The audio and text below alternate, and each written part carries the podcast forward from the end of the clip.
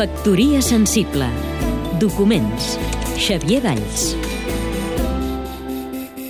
Xavier Valls és un dels pintors fonamentals de la història de la pintura de postguerra a Catalunya. Albert Mercader, crític d'art i amic de Xavier Valls. I ho és essencialment per dos motius.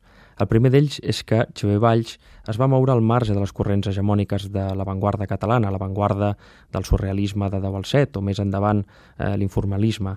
No va seguir cap corrent mm, principal, però sí una tradició, el de la pintura realista, un realisme silenciós, serè, molt particular, essencial i profund, el realisme de la quotidianitat senzilla i propera, cultivada pels seus admirats Zurbaran, Morandi o Joaquim Sunyer.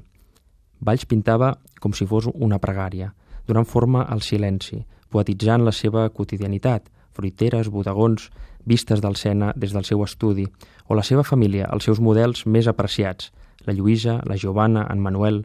Valls pintava lentament, no més de 15 o 20 quadres a l'any. Xavier Valls també va ser important perquè va ser un dels pocs pintors de postguerra a Catalunya que s'establia a París de manera permanent, esdevenint un dels principals testimonis de la darrera Belle Époque parisina, la París existencial de Sartre, dels cafès i tertúlies, que Valls va respirar al barri de Saint-Germain, els cafès de Magó, Mavilló o Flor, amb figures importants del seu temps, com Giacometti, Tristan Zara, Maria Zambrano o Jaime de Valle-Inclán. Tot plegat ho explica la seva autobiografia La meva caixa de Pandora, editada ara fa 10 anys a Quaderns Crema.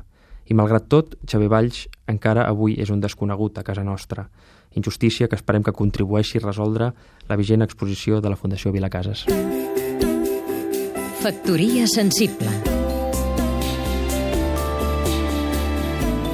Seguim-nos també a catradio.cat.